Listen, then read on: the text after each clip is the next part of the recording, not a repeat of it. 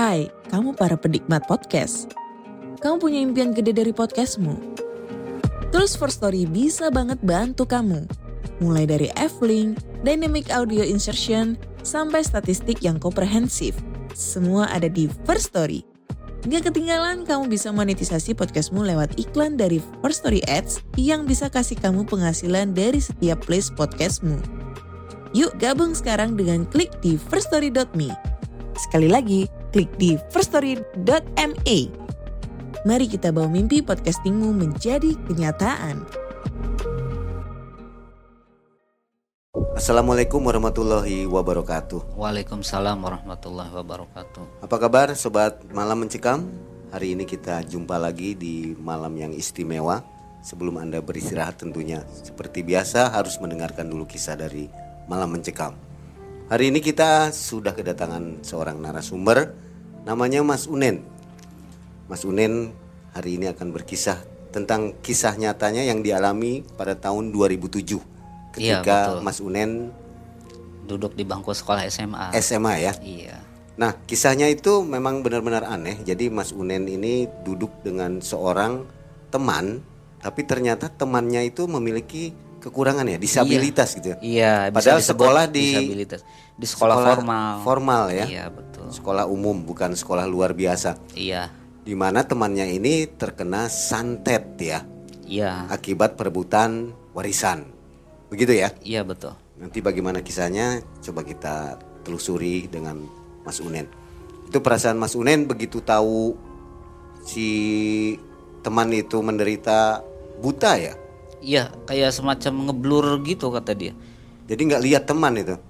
Iya, jadi jadi eh, pandangan lebih ngeblurnya ngeblur yang agak tebel banget gitu, hanya cahaya-cahaya sedikit gitu walaupun siang tapi yang terlihat itu sedikit. Tapi belajar bisa. Anehnya belajar belajar dia bisa ya. soalnya kelas 1 kelas 2 3 4 itu masih normal penglihatan seperti biasa makanya dia sekolah di sekolah SD pun seperti sama seperti siswa-siswa yang lainnya Jadi perasaan Mas Unen kaget ya. iya Begitu tahu ya. iya baru tahu saya Oke. Nah, sebelum mulai seperti biasa kita kenalan dulu ke Mas Unen. Mas Unen apa kabar nih? Terima kasih sudah mau berkisah di Malam Mencekam ya. alhamdulillah baik Boleh tanya sedikit nih Boleh, kegiatan boleh. sehari-hari apa? untuk kegiatan sehari-hari saya berjualan di salah satu pasar lah di kota Cirebon Ya, bahan pokok atau kuliner? kebetulan ke kuliner ya Kuliner iya ya. Oke. betul Luar biasa ya. Sobat MM kita mulai mendengarkan kisah dari Mas Unen yang terjadi di tahun 2007. Perebutan harta warisan. Iya. Silakan Mas Unen.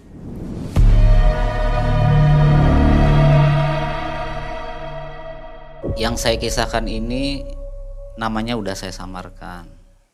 Pada 2007 itu pas waktu duduk di bangku SMA saya berteman dengan seseorang yang mempunyai kekurangan.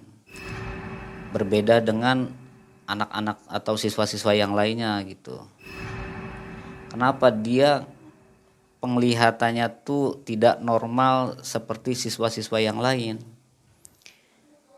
Nah, ketika akrab atau ketika intensnya itu pas di naik di kelas 3 itu, baru itu kebetulan duduk satu bangku dengan saya.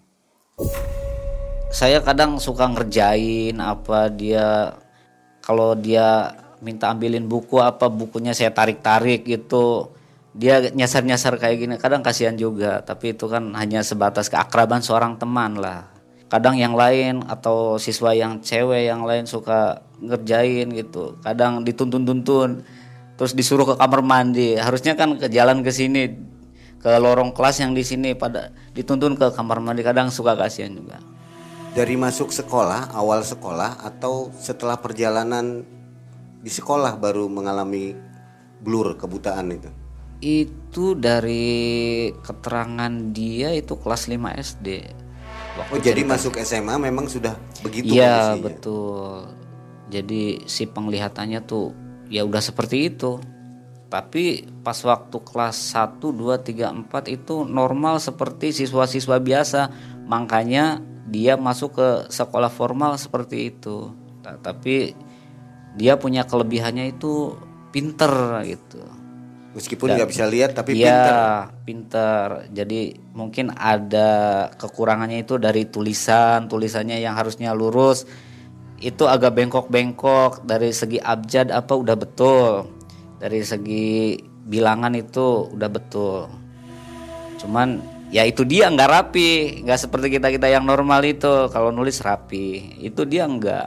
Nah, dari situ saya sempat kasihan juga. Kadang kalau berdua di kelas kalau habis olahraga kita kan suka ke kelas. Saya tuntun-tuntun saya nanya-nanya gimana? Enak nggak kayak gini? Aduh katanya. Sebetulnya sih pengen sembuh saya tuh pengen sembuh udah berobat. Ke sana kemari.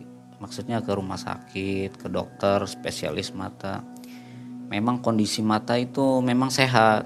Dia mampu. Karena orang tuanya ya orang ada lah gitu. Bisa dibilang orang ada. Nah pada akhirnya dia curhat lagi ke saya. Dia kadang suka eh, mengalami hal-hal yang ganjil atau hal-hal yang di luar nalar lah. Dia cerita sedikit ini cerita sedikit ke saya. Pada waktu itu dia masuk ke kamar mandi kayak kayak ada yang nyubit nyubitin gitu ke dia tuh kadang suka mimpi yang aneh-aneh dikejar-kejar hantu lah apalah ini itu. Saya anggap biasa aja lah. Pas dia mau tidur bilang lagi ke saya saya kayak ada orang yang mencekik saya. Di sini ada yang nyekik saya gitu. Kayak kayak nyata tapi nggak ada. Dia kan nggak bisa lihat tapi dia lihat itu sosok kayak sosok makhluk hitam tinggi besar berbulu kayak gitu kayak sedang nyekik dia matanya merah.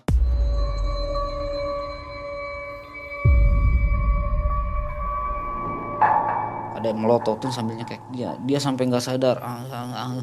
dia langsung kebangun itu dengan spontan kaget. Keringatan ke sini banyak. Saya sepertinya curiganya itu kayak ada yang nggak beres tuh. Pada saat itu kan pada saat SMA itu saya udah sering belajar-belajar kayak semacam spiritual kayak gitulah. Zamannya SMA itu kan iya tahu sendiri lah kayak gitu. Pengen ini itu mau macem-macem lah kepengenannya. Ya udah gini aja kata saya tuh. Gimana kamu saya antar ke guru saya kata saya tuh. Kamu mau nggak? Aduh gimana ya nanti bilang lu udah jangan bilang-bilang lagi kata saya tuh. Pasti nggak boleh pikir saya kan awalnya begitu. Ya udah nungguin momen yang tepat atau malam Jumat Kliwon aja kata saya tuh. Saya antar dia ke guru saya itu Pak Haji Nas ya. Dulu sih ya belum belum punya motor ya. Jadi jalan kaki naik angkot saya antar ke rumah guru spiritual saya. Datang salaman apa ngobrol tentang problem dia gini gini gini gini. Ya udah nanti abis isa ke sini lagi aja. Berhubung kan jauh rumahnya tuh. Jadi kita tidur tiduran dulu di musola nyari musola. Udah gitu di sana istirahat sholat udah selesai sholat baru tuh ke sana lagi ke rumah Pak Haji Nas. Nah di situ ditanyain kenapa? Ini mata nggak kelihatan emang sejak kapan? Ya udah lama. Udah ke dokter udah. Udah ke rumah sakit udah.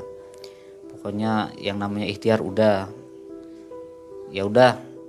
Sekarang kamu berbaring waktu itu tuh. Saya cuma liatin gini aja. Berbaring dibacain baca-bacaan di rukiah. Dia spontan saya pun kaget. Waduh kenapa kata saya tuh? Dia meronta-ronta otomatis tuh sama anak buah Pak Haji itu dipegangin kakinya tangannya dipegangin semua itu. Dia meronta-ronta terus kayak semacam minta tolong. Nah si Pak Hajinya itu langsung membaca-bacakan lagi rukiahnya itu dibacain lebih keras lagi lebih keras lagi. Dia nambah seperti kesakitan. Ternyata teman saya tuh ada yang semacam dimasuki sosok-sosok astral. Nah dari situ sama Pak Haji diinterogasi. Siapa dari mana? Gak mau jawab. Udah kamu tuh mau apa? Mau nanya sama saya gak penting. Gak bisa penting. Ini saudara saya. Kamu jangan macam-macam sama saudara saya. Gak penting. Langsung dibacain lagi ayat-ayat rukiah itu. Setelah dapat satu jamnya itu mungkin dia merasakan lemas itu. Baru dia mengaku dia ternyata suruhan. Pada akhirnya saya pun kaget. Wah, ternyata ada yang ada yang nyuruh itu saya tanya masuk. Nah, disuruh apa? Cepat ngaku disuruh apa? Disuruh ngebutain matanya. Hah? Siapa yang nyuruh? Gak, gak bisa katanya, gak bisa, gak bisa saya sebutin karena saya juga takut sama Tuhan saya kamu takut sama Tuhan saya, kamu apa takut sama Allah? Sama Tuhan saya. Katanya kayak gitu jinnya. Wah, dari situ saya mulai merinding. Waduh, pokoknya di luar ekspektasi saya, pokoknya bisa kayak gini kejadiannya itu. Nah dari situ saya diam aja. Setelah diinterogasi sama Pak Haji itu, baru dia mau ngaku. Ternyata dia disuruh oleh pamannya sendiri. Lalu Pak Haji bilang, ini ilmunya dapat beli apa punya sendiri. Di situ dia pengakuan jinnya itu bilangnya itu dapat dari perjanjian hasil perjanjian sama siluman gitu untuk mendapatkan ilmu tersebut untuk menyakiti orang itu. Nah, perjanjiannya apa? Dia selama sampai tujuh turunan itu mulutnya tuh nggak bisa ngomong jadi keluar kayak keluar eces kayak gitu ngeces semua lidahnya keluar sampai tujuh turunan ke anak ke cucu pokoknya sampai tujuh turunan. Dia taruhannya keturunannya sendiri untuk mendapatkan ilmu tersebut. Nah selesai diinterogasi kamu maunya gimana? Minta ampun ampunan itu. Jinnya minta ampun ampunan ya udah kamu pengen selamat keluar. Gak bisa saya udah dikunci di sini keluar kamu gak bisa. Nah udah gitu langsung tuh. Dikeluar dipaksain sama Pak Haji langsung dikeluarin. Baru tersadar teman saya. Udah sadar saya kasih minum langsung dia. Sampai suaranya itu dia habis. Saking begitu lamanya interogasi si makhluk yang masuk ke dalam tubuhnya itu. Tujuan si penyantet belum ketahuan ya? Pada waktu itu belum belum nah si Pak Haji bilang ya udah nanti Jumat depan ke sini lagi soalnya mengalami serius gitu. Nah setelah itu begitu dia mengalami gangguan seperti itu saya antar lagi. Ya udah nanti besok minggu depan antar lagi. Jumat berikutnya saya antar lagi. Dia langsung ditanganin lagi seperti Jumat yang kemarin. Nah setelah itu dirukyah lagi ternyata dia meronta-ronta lagi. Wah ini sih dikirim lagi nih. Kata Pak Hajinya ini dikirim lagi. Kamu kurang ajar ya. Enggak saya disuruh disuruh. Ya udah karena apa? Ini karena apa? Gak bisa, gak bisa, gak bisa saya sebutin. Terus dipaksa diinterogasi itu si makhluk itunya disakitin terus pada akhirnya gara-gara harta warisan gara-gara tanah. Kamu mau apa? Udah saya mau tahu kata Pak Haji. Ya udah sekarang kamu jangan masuk-masuk lagi ke tubuh ke tubuh anak ini. Ini saudara saya. Kamu jangan masuk-masuk lagi. Iya iya. Nah iya iyanya aja ternyata setan itu penuh dengan kebohongan. Padahal dia masih bersemayam di situ. Yang satu keluar ternyata masih ada dua lagi. Di tubuh teman saya tuh. Masih ada dua lagi meronta-ronta lagi. Langsung dikeluarin lagi. Nah, sudah itu ya udah katanya, "Nak, kamu kalau mau Jumat depan juga ke sini lagi nggak apa-apa untuk memastikan masih ada atau enggaknya gitu atau dikirim lagi Nah, pada Jumat berikutnya saya antar lagi itu ke sana ke rumah Pak Haji Nas itu. Di sana ditanganin lagi masuk lagi ternyata dikirim lagi. Sampai Pak Hajinya wah kurang ajar ini udah benar-benar. Ya udah gini aja nanti hari Minggu kita ke sana ke rumahnya. Nah, hari Minggu saya datang lagi sama teman saya. Gimana mau ke rumah kamu? katanya Pak Haji mau nggak? Ya udah nanti bilang dulu ke orang tuanya.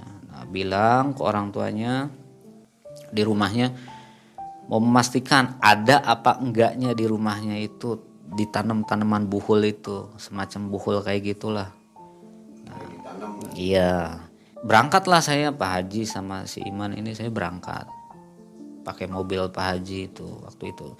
Saya Pak Haji si Iman sama sopirnya. Empat orang lah kurang lebih. Dia penasaran juga ini yang ngirim pamannya yang mana? Ya udah jadi sebelum ke rumahnya ke rumah pamannya dulu pura-pura parkir mobil. Diparkirlah mobil di situ.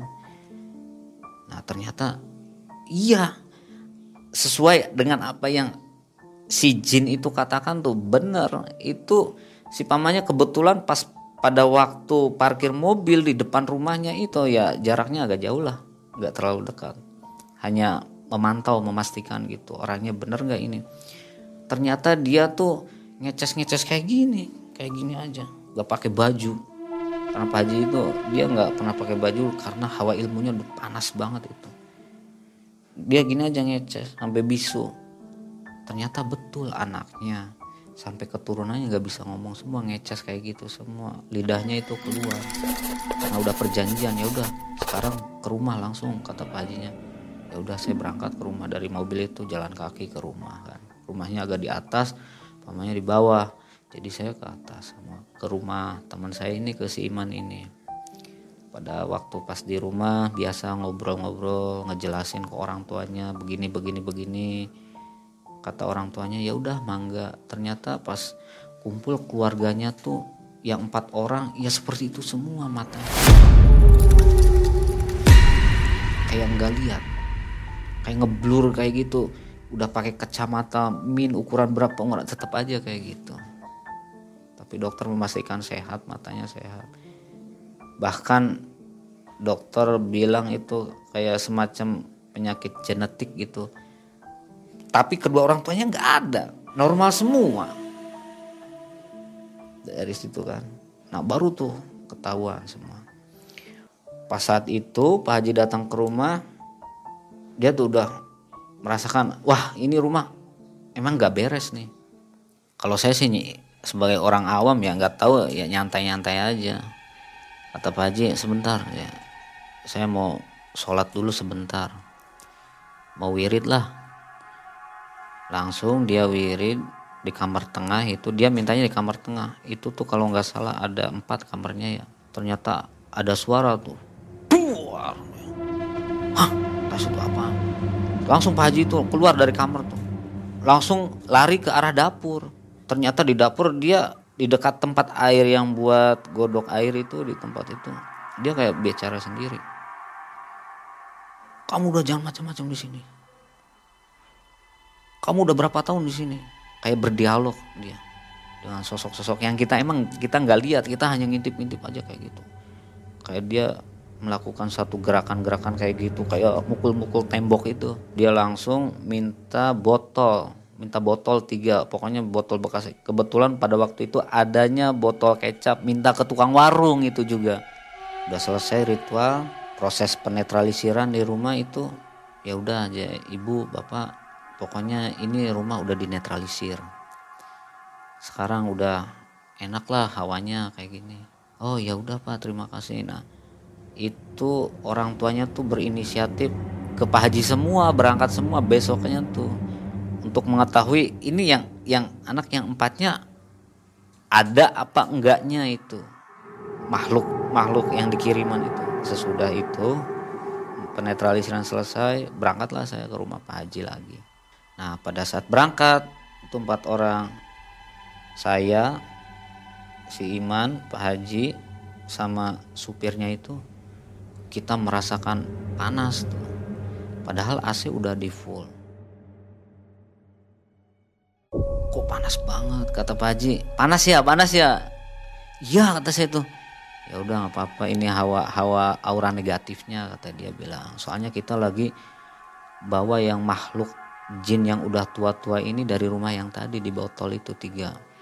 Aduh pantesan kata saya. Mikirnya wah satu mobil dengan jin kata saya itu si sopir juga sempat bilang mobil kok terasa berat pak. Udah lanjut aja. Gak apa-apa kok. Nah lanjut. Nah ketika itu Pak Haji bilang stop stop berhenti di sini. Langsung berhenti. Nah, saya kok berhenti? kata saya itu ternyata itu mau membuang botol yang tiga tadi. Itu botol memang nggak ada tutupnya. Mungkin udah di pagar gaib entah apa saya kurang tahu itu. Pokoknya yang jelas si botol itu dibuang satu persatu ke kali. Pluk satu. Dia baca-baca lagi pluk satu lah. Baca-baca lagi pluk satu. Udah gitu ya udah kita balik. Mudah-mudahan gak balik lagi kayak gitu. Udahlah udah gitu pulang ke rumah Pak Haji. Saya pamitan pulang ke rumah saya. Dan kebetulan kata saya ke Iman saya mau ada syukuran nih. Ya udah berhubung besoknya nanggung keluarga dia yang empat itu mau ke rumah Pak Haji besoknya. Jadi dia nungguin aja di rumah saya sambil nginap tuh. Nah itu mengalami satu kejadian aneh di tengah malam. Pas nginep di rumah saya itu. Pas waktu malam itu pas ada acara di saya itu hari Selasa malam Rabu. Nah, pada saat selesai acara teman saya ngeluh aja aduh ngantuk udah ngantuk. Ya udah kata saya tuh. Nanti ngobrol lah ngobrol dulu sama teman-teman saya yang lain nggak enak ngobrol. Tapi dia sambil ngobrol sambil gini kayak, kayak orang ngantuk gitu. Ya udahlah saya biasa-biasa aja nggak berpikiran yang gimana. Ternyata pas malam itu sekitar jam satu lebih lah. Di luar tuh ada kejadian aneh kayak desisan ular ibu saya pun bilang ke saya kamu dengar nggak ada desisan iya.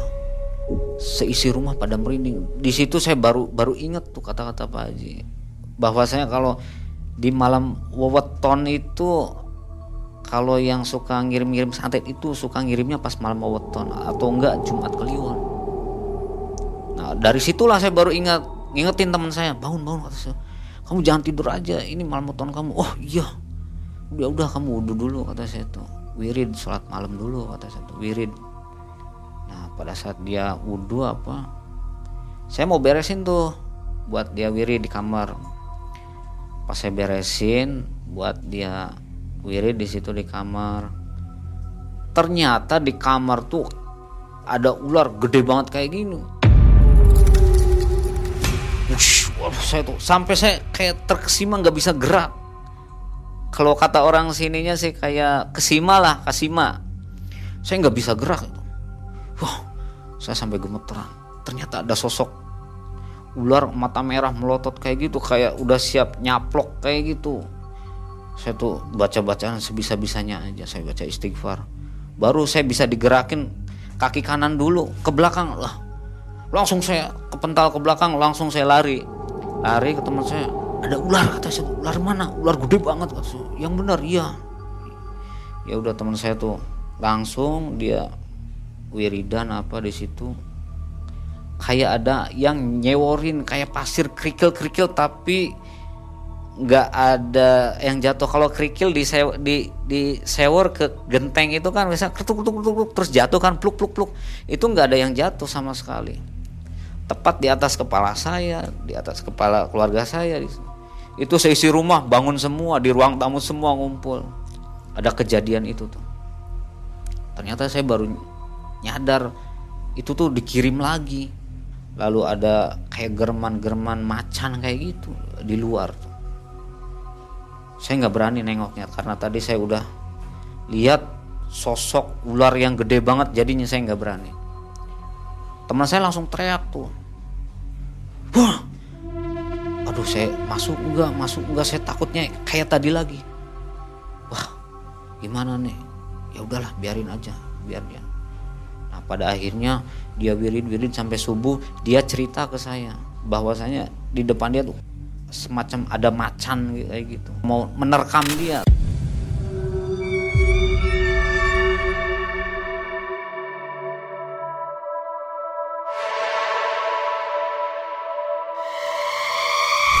dia wiridan terus wiridan fokus wiridan. Dia Iman konsen- itu? iya konsentrasi wiridan. Ternyata dia nggak mampu menerkam kata dia nggak mampu.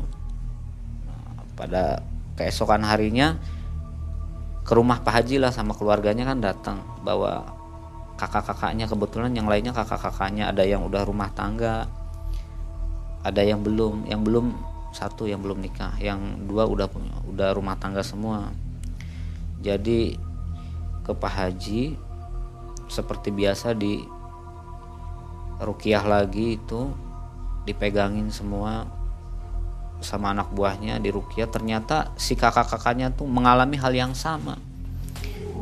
Itu kayak meronta-ronta semua itu. Tapi kalau yang si kakaknya itu baru juga satu yang di rukiah yang lainnya pada ikut meronta-ronta semua. Jadi yang ada di situ panik semua termasuk saya panik. Aduh gimana? Nah, teman saya tetap wiridan aja dia. Ternyata diinterogasi diinterogasi itu udah lama. Bersemayam di keluarga ini maksudnya dikirim ke keluarga ini udah lama. Dengan cara kata Pak Haji sih versi Pak Haji itu kalau ilmu udah mendarah daging ilmu-ilmu jahat kayak gitu itu nggak harus melakukan ritual katanya. tidak harus mantra-mantra kalau seorang majikannya sakit hati itu si makhluk-makhluk tersebut itu langsung berangkat nyerang sendiri Nah, pada akhirnya diinterogasi apa? Itu yang kakaknya yang nomor kedua itu muntah darah campur paku. Bau amis banget, bau amis. Saya sampai nggak kuat liatnya. Kalau ngelihat darah aja kan ngeri. Apalagi ada butiran-butiran kayak paku kayak gitu. Sampai ambil lap handuk itu waktu itu tuh handuk dilapin lagi sama anak buahnya. Wah ternyata bener. Dia ngirim tuh semua dengan keseluruhan nggak bisa melihat semua itu ternyata dikasih semacam batu kayak batu yang gaib gitu di matanya. Nah, pada saat itu baru tuh keluarga tahu ternyata yang kena santet di keluarganya yang menimpa keluarganya tersebut tuh kiriman dari pamannya sendiri. Dari situ baru tahu. Otomatis di situ kan emosional langsung memuncak. Mungkin dendam sih ada manusiawi kan mungkin punya rasa kesel gitu. Tapi Pak Haji nyaranya jangan. Jangan terlalu ngeliatin lah gitu benci ke ke pamannya. Jangan terlalu ngeliatin gitu.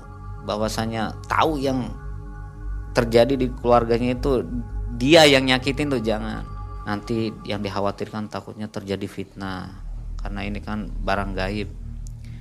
Kita susah kalau mau dendam-dendam juga gimana? Nah, nah, pada akhirnya dari situ mau nggak mau harus menerima kejadian ini. Yang penting kita tetap ikhtiar kita berobat terus sembuh. Kayak gitu aja. Udah lupain masalah dendam. Gimana sepakat nggak keluarga dari situ ya udah sepakat. Pokoknya kita nggak dendam sekedar hanya tahu aja. Nah setelah itu udah selesai semua pulang. Kecuali si kakaknya itu yang mutadara nggak bolehin pulang. Nginap di situ nggak tahu. Mungkin ada ritual-ritual yang lain saya kurang tahu. Pokoknya saya udah capek banget itu pulang teman saya langsung juga pulang. Saya pulang ke rumah sendiri. Yang dikhawatirkannya itu kejadian yang kemarin itu yang datang ke rumah saya ular gede. Saya sempet takut keluarga saya takut. Kamu gimana sih? Bawa-bawa kayak gitu ke sini. Nggak tahu saya juga. Saya sih hanya niatnya nolong teman saya tapi dia datang ke sini kata saya tuh. Aduh sempet saya kena teguran juga dari orang tua saya. Seisi rumah lihat itu ya ular. enggak kebetulan saya aja. Karena saya yang penasaran lihat itu. Berhubung saya udah lihat saya cerita ke orang tua saya mereka sempat ketakutan semua ke bawah takutnya semua. Suasananya lah nambah lebih mencekam lagi di seisi rumah itu. Kalau si Iman sih lihat ya. si Iman itu ketika dia sedang berwudu itu saya lihat itu waktu saya menyiapkan eh, dia buat sholat gitu di kamar tuh saya siapin itu ada sosok ular gede. Kalau si Iman itu dia melihatnya sosok harimau mau menerkam itu pas di rumah tuh jadi sampai-sampai ke bawah kayak trauma gitu di di rumah ini tuh pernah ada makhluk yang aneh kayak gitu. Saya secara tidak langsung udah masuk ke permasalahan orang lain kata saya itu tapi kan saya niatnya nolong ya nolong. Pada akhirnya kan kebuka semua dari situ. Ternyata yang terjadi di keluarga ini ada perselisihan memperbutkan harta warisan. Emang dari dulu sepertinya itu dari dulu sehingga yang jadi korban itu anak-anaknya tersebut termasuk teman saya sendiri. Bukan orang tuanya iman ya malah anak-anaknya? Ya itu.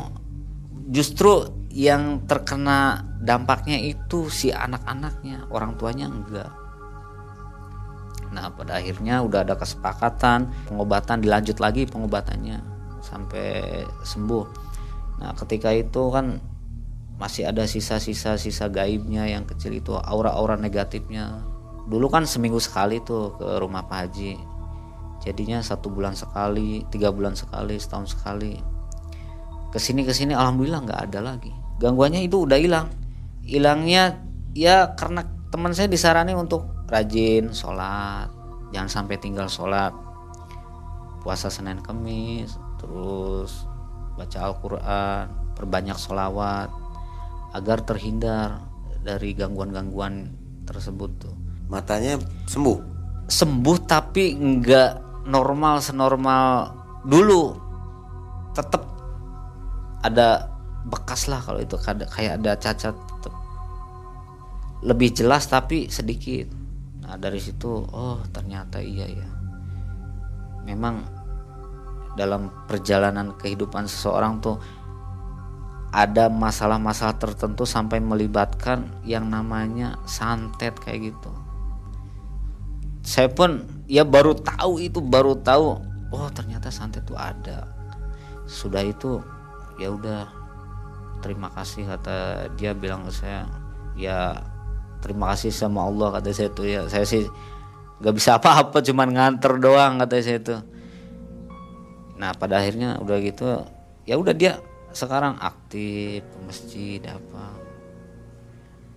Terus rajin dia tambah rajin lagi nah udah gitu apalagi sekarang jarang jarang lagi ketemu. Udah lama jarang ketemu lah. Soalnya kan saya udah rumah tangga dia udah rumah tangga juga gitu. Kapan Udah terakhir masih- ketemu?